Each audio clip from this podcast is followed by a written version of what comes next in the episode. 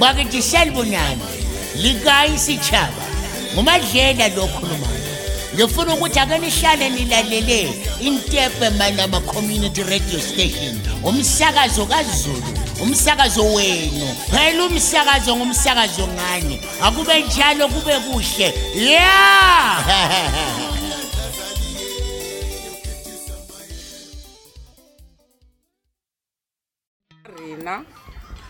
And as such, we cannot run away from the very fact. Elders here can testify that not so long back used to be quite a number of ceremonies.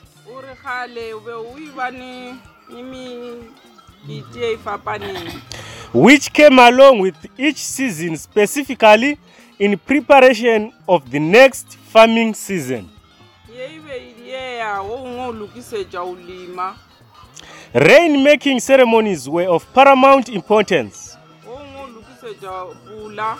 and it played a pivotal role in determining the rainfall to be received after performance of such rituals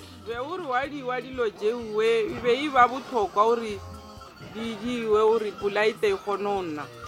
it seems like we have forgotten all these norms ubo bona la ukari bo rina ri libeji ka dilo je wo jo and practices no didia but today i mara na nasi headman pepish yena pepish officially give a green light and my blessing to the elders who feel like we have, we have to retrace our footpaths back to our cultural practices and norms to perform such rituals without any hindrance. ndojeve riri liya ja masiko uisina muthu ari hapele jangi ova ari thivelanga these ceremonies are to be well coordinated by the elders from the village labor level up to the ward level liyo je li tshwane juri li vona lori lialiwa ujwa u vasabuku fitha u wadi also there is need to annually clear from the forest tisa nejuri ri tsene mo niheni ya rina rintshe lilo je vadala ve va lintsha hale before va lukise dya pfula all the bones and carcas of uh, dead animals marhapu ana ali khomo va ri donki li kwileni ni li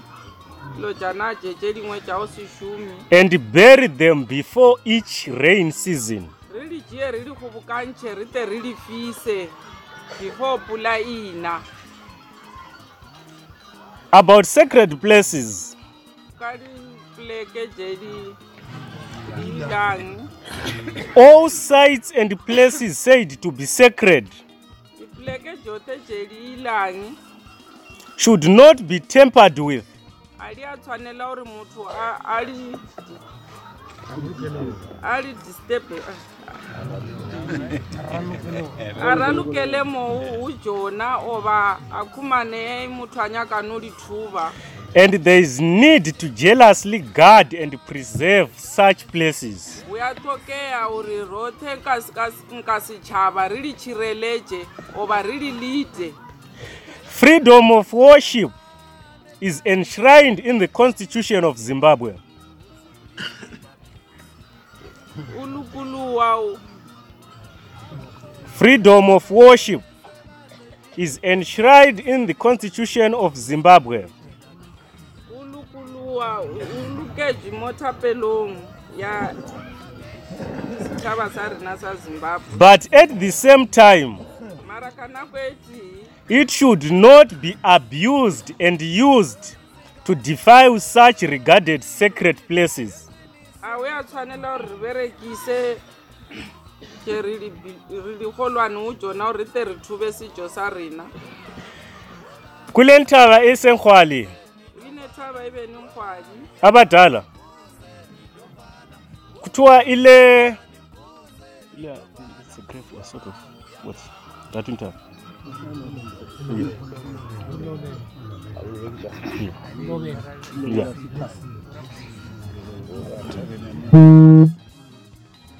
i'm getting a lot of complaints ukuthi there is sort of a grave a graveyard or a sacred place there and there is a lot of people who are going there doing uh, stuff a lot of things there kumana mleja ari ukari uine livita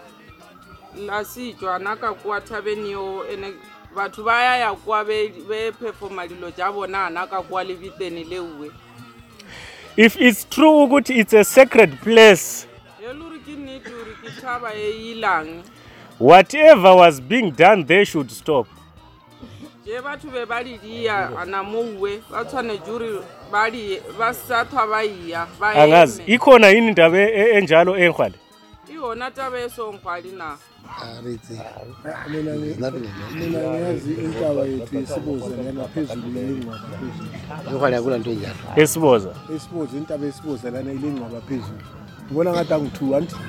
enkwali kule black sea kule ndawo lapho kulamazi khona kodwa ungangena khonapho umuntu banyamalala abaningi befila khonapho abantu yikho lapho abayenza khona imithandazo abantu abaningi bahamba khona le benza imithandazo umuntu uyahlanyamalela Yes, we have to guard that place. Is it, is it, is it fenced? Phakathi kwemfula. Yes. All right. Yeah, we, we need to protect such places madam.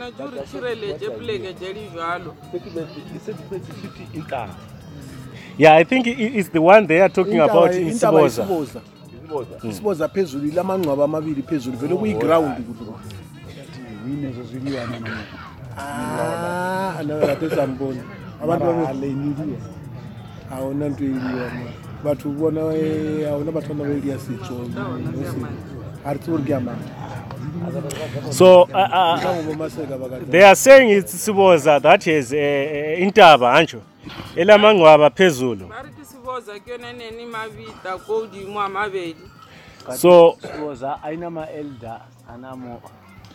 maseka ke nna motho mone ne ine se ntse bane ka yone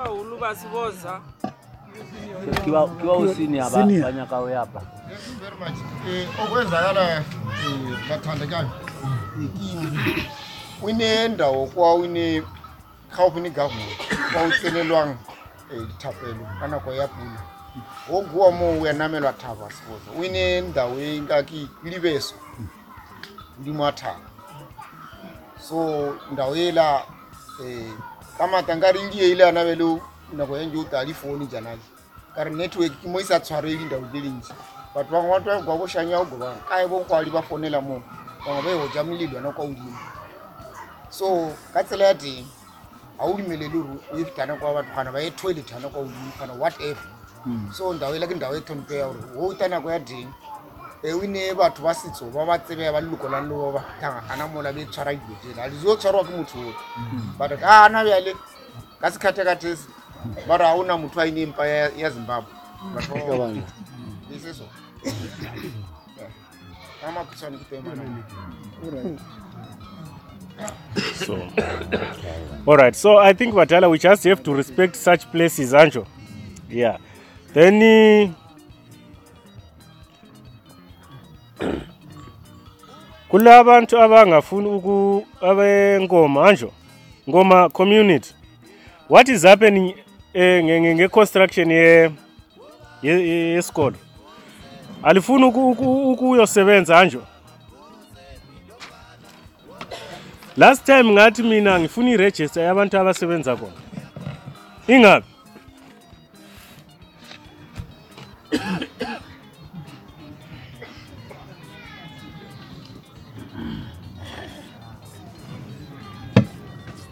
uchairman unga uchairman wesikolo or whoever is responsible nawu vice baba kuyenzakalani hayi ekusebenzeni kuyase abantu ba ekusebenzeni mina ngusabhuku ngonapho engoma ngusabhuku wakhona peduze ekusebenzeni laphana amasabhuku siyasebenza kodwa kula manye amasabhuku ale problem abantu bakhona kababuye kuzesebenza laphana kule problem emalayinini emalayinini amalayini lapha amanye arongo afuni abantu bakhona bayisebenza iilayini zakhona bazazi kodwa ezinye iilayini akuyasetshenziswa kuhle ngoba lezi nsuku sisebenza ngamalayini ngomvulo langolwesibili langolwesithathu langolwesini langolwesihlanu kuyele kusetshenzwa kodwa into ekulo ekufanele ibe khona amalayinini emasabhukwini lapo abantu badela amasabhuku ngabe kusebenza ispeciali igenge le encane le yiyo esinika iproblem lapha abantu bakhona bona abancane kusebenza abantu abakhulu kaziwakhulu abantu abakhulu abasebenza kuphela khona kola plaza laphana kuyakwisingatha kuyafuneka izinqola so kule problem khonapho abantu batshiya izinqola zomuntu ethi uzibanule nqola akula muntu ongela nqola lapha ekhaya singahamba one day laphana ngomvulo lena kumaramani ihamba laphana ilezinqola yonke ihambe laphana siyathwala ithebe che one day asathwali futhi kodwa abantu bakhona abavumi ispecial igenge yencane kabahambi laphana okuyesebenzi aba lavafazi vakhona yi va iproblem kulu va sinike problem all right it's, it's okay baba so ngiyacela ukuthi liyenze iregist yabantu aba-attend anjo siyazwana baba ngicela iregista yabantu aba-attenda then whoever is going to be found ukuthi yena is an absentee Safu mbele yote hapa tala malinda pa. Hmm? 200. 3200. So anyone who is absent from today baba, that person balani pansi amabizo. That person has to pay 200. Anjo. Eh. And uh, make sure ukuthi i-register ikhona ile register yakhona ilayini leni ile register register ile register ile secretary register amalayini wona lawo yayo ile problem ilayini lenye ile register yakho kodwa abantu abamaki abantu njengoba wakhuluma webitch ekhuluma asenze namaregister amaregister akhona sivile amako laphana kodwa abantu yes uh, uh, uh, bhala ibizo likasobhuku likasekretary ngeleni yakhe mawusobhuku efeyila eh, eh, ukucontrola abantu bakhe then ah, ngizomcontrola mina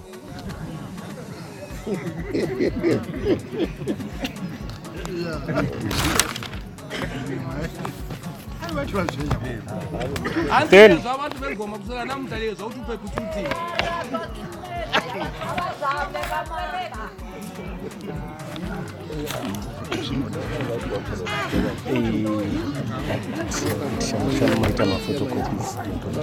right the, the other issue badala yishi yesikolo yabantwana silabo abantwana nje silabo yeyi vumani badala awu kanti bomama bayenza abantwana beka yibayedwa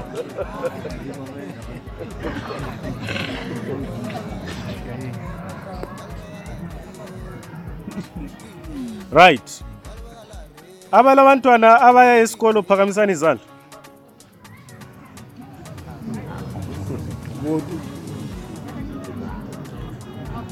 abazali phakamisani izandla ungadlulwa ngedonation leyi ungakhali hanjo right silabo bonke abantu sonke abantwana abaya esikolo hanjo ababhadala i-school fees phakamisani izandla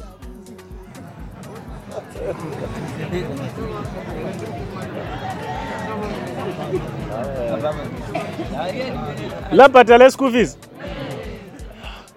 so baba mkibelo angiboni ukuthi kule need yokuthi sibhadale ibhimu leya abayabhadala abazali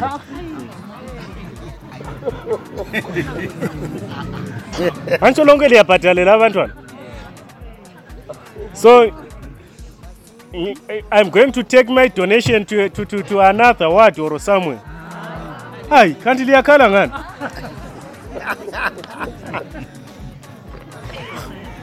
liyakwanisa ukubhatalela abantwana so what's the problem hmm? ye zamani phela kulabanye abangakwanisi ukuzama hmm. Alright, so badala abo headmaster bayakhala lana alifuni ukubhadala lina ama-school fees so lifuna ukuthi utitsha ofundisa umntwana ayenze njani hmm, badala ngile ncwadi lapha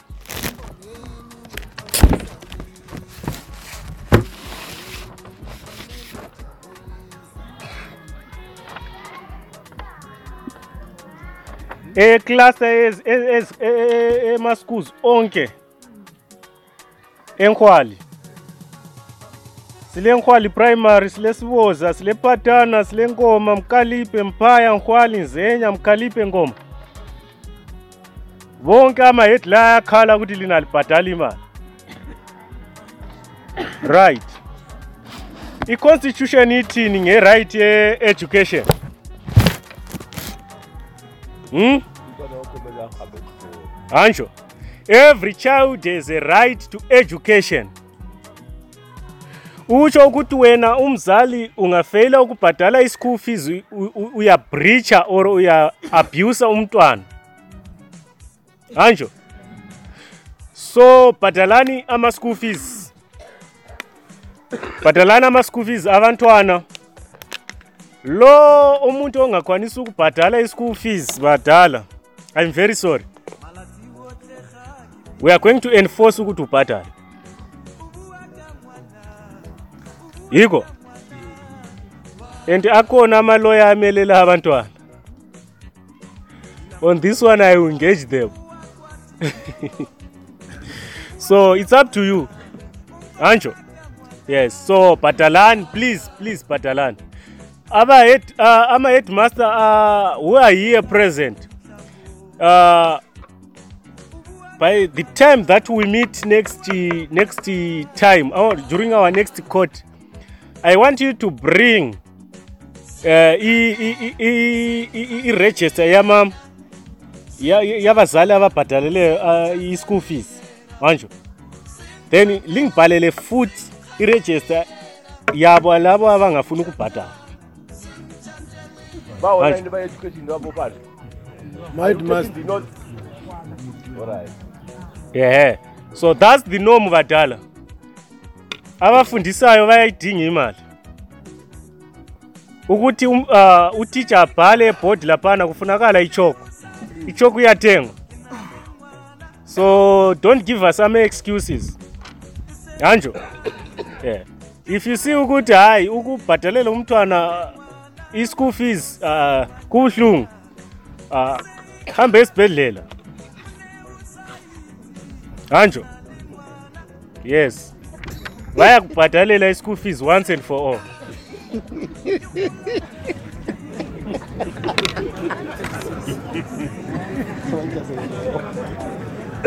right uh, let's move vatala let's move yes yebo yeah,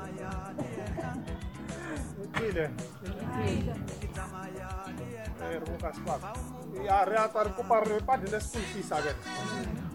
and then ku a dikoloni ri va ni problem ya ba di-program di diwane gana di-fundraising di diwane and then fundraising he re ba account-e tšhelete fundraising ye so e dile bokae tšhelete ya rata resam sa lagi accounting ya bona ja botse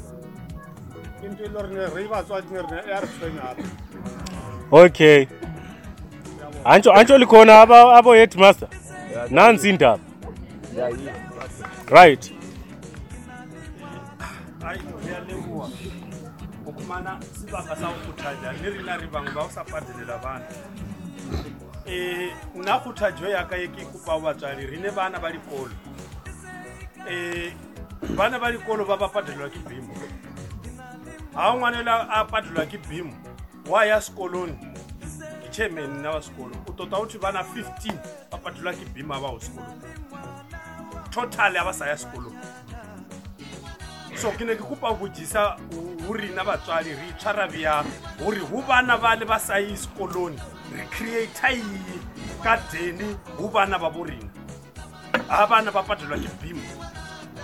mara vana va yi sikoloni vana va padrak beam n'wana wine 11 years wine 12 years ya mumalisa ya pandeliya laha ya vavalisa vana vale ha ri yapa so maticha va lila kuwa n'wana yo lava vana vana vale va ta va va livele jury maybe n'wana ki grade 7 maybe ri tikuma watarivilerikokujoti hayi n'wana wa rasipo i tweni ha ri ri yapa ni rasipo rasipo va ri hayi a o ya jima ba re ngwana ne a ithwele batswadi re a mo kopa a ta kwale ke sa tsebe gana ke a twala ye lena batala yey lizafela emajele lina umntwana wegrade seven hmm? you are marrying off abantwana hi I, I, I want i want such cases here ma ekhona umuntu onjalo please let me know siyazwana wena njengomzali ube usithini ma uyethona uphiwa imali yokuthi umntwana wakho se se se uyethona sezithwele Ah, uyamkela imali leyo kumntwana ole 13 years are you serious lina huh? kuyayenzakala loko Ay ay hayi badala mina i don't tolerate child abuse anjo you are abusing abantwana report report such acts anonymously hanjo don't ungabhali ibizo lakho ungabhali ukuthi nguwe bani just right kule ndaba lapha etholakala enkoma wad b ngoma b village what what eh, kusabhu kuba uzibani kulo mntwana owawu oh, ya who deal with you papa again it seems like liyayenza ifraud futhi why is it liyabhalisa abantwana ukuthi ebhim usesikolo yena umntwana kasahambe esikolo huh? you know that is a, a, a straight fraud If there are people who are doing that, report again those people here. Anjo. Because you are depriving those who are willing to go to school to learn. While you, you, you, you, yours is being paid by BIM, yet that child is not going to school. And you are busy marrying off those children. It's very wrong. Also another issue vadala vakhona yini lapa ava ava who uh, marry off their, their, their, their, their children because of religion vahona yini mohara lina va nyalisani vana ka livaka la likereke you know what i'm speaking of likona anjo report please please report those people to me That's inhuman. Why are you doing that, Batala? It's very, very wrong. Right. Uh,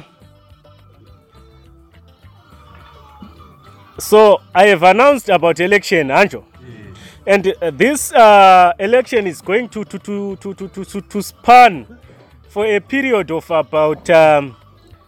two to three months, if not four, Anjo, from today. Because uh, when they announced the, uh, announced the, the, the dates, they said that in the event that uh, 23 August fails to bring out a winner, there is going to be a rerun on the 2nd on the 2nd of October to determine uh, who is going to be the, the, the, next president of the republic, Ancho. Which means uh, from this period up to maybe end of, because after that uh, runoff or rerun, you know how presidential elections uh, results, uh, the, the, the, the, the length that they take to be announced. So it might be maybe end of October or early November. Ancho Badala. So we don't know.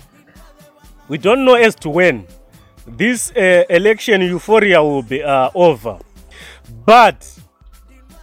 what I know is it will be over. But as to when, I don't know. So our next meeting will be in November siyazwana badala our next meeting will be in november after all this election uh, uh, fever is settled down Anjo. so what's next i have uh, requested you to write down your, your contacts Anjo, your names and contacts so that we are going to create a group a WhatsApp group, Anjo. Those who are on WhatsApp, we will be communicating time and again, Anjo. I will be updating you on the events that will be unfolding. I will be updating you uh, about our community. I will be updating you about any issues of development uh, that needs to be announced. So if you have any case you are free to, to, to, to, to take your case to mkivelo anytime any day Anjo. but we are not going to sit for those cases any time in between on until november yiko vatala so inephepha yeve inikwala mahina mola va rile ni kwaleri phone number vava neni li whatsapp tifone number jele ali ta tsentxa ori va vupe gurupu mo va ta va ni va connectana ni vo lina va ni vudya uri u ta va u gwelela yini nka va swi no firise dya date wo november va sa liveleji li election nkali yi sine nako ye yi viyilwe hi ngi vutsi va ri leluri li 23 dya august a si li khumani muyedhapili anyake yanowo livhotsije ritshwane jingi i ta vuxelebya gape ka li-two bya oktoba so i rhela u ri lekgota la rina a li na exactly nako ye va ka yi e viyani ri ta lulaningi va viya november so va va neni li whatsapp ni ta tsentxhiwa wu gurupu ya newe ni ta va ni tsivisiwa mara yeluri u na li muladu wo u ve ni nawo u kana wa wu yisa kuwa wu mukivelo o ruriwa nini kona mo vane va ri dzivisa ka whatsapp jana jiu so if all goes according to plan our next uh, court meeting will be on the 15th of november heri ka tsamaya botsi ka di 15 ja november kona mo more ka vanhu le lekgota la rena hiko yini vatala so You are free to take your your your your your, your cases there. What I'm trying to avoid is um, our gatherings may be misinterpreted to be rallies. Anjo. mo and uh, some of you you are already targets as i'm speaking and a lot of people are failing or they, had, they, they, they didn't have somewhere to nail you so they would take the advantage of these gather, gatherings to, to, to, to, to, to, to attack or to target you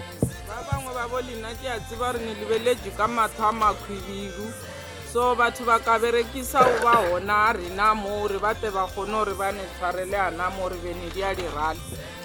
So I think you understand why I am suspending uh, our meetings until uh, November.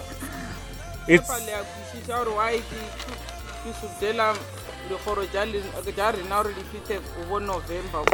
it's for security reasons badala both for you and for me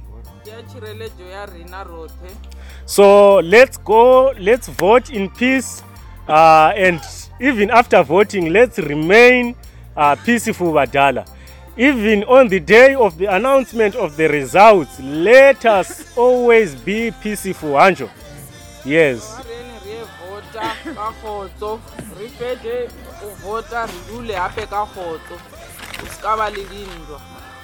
so ngiyabonga badala um uh, ngizoshiyela isikhathi lesi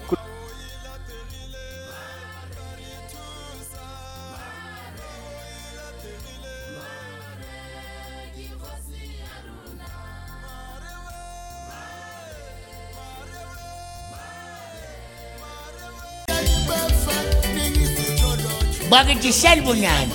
likayisitshaba ngumadlela lokhulumayo ngifuna ukuthi ake nihlale nilalele intepe malama community radio station umsakazo kazulu umsakazo wenu phela umsakazo ngumsakazo ngani akube njalo kube kuhle yeah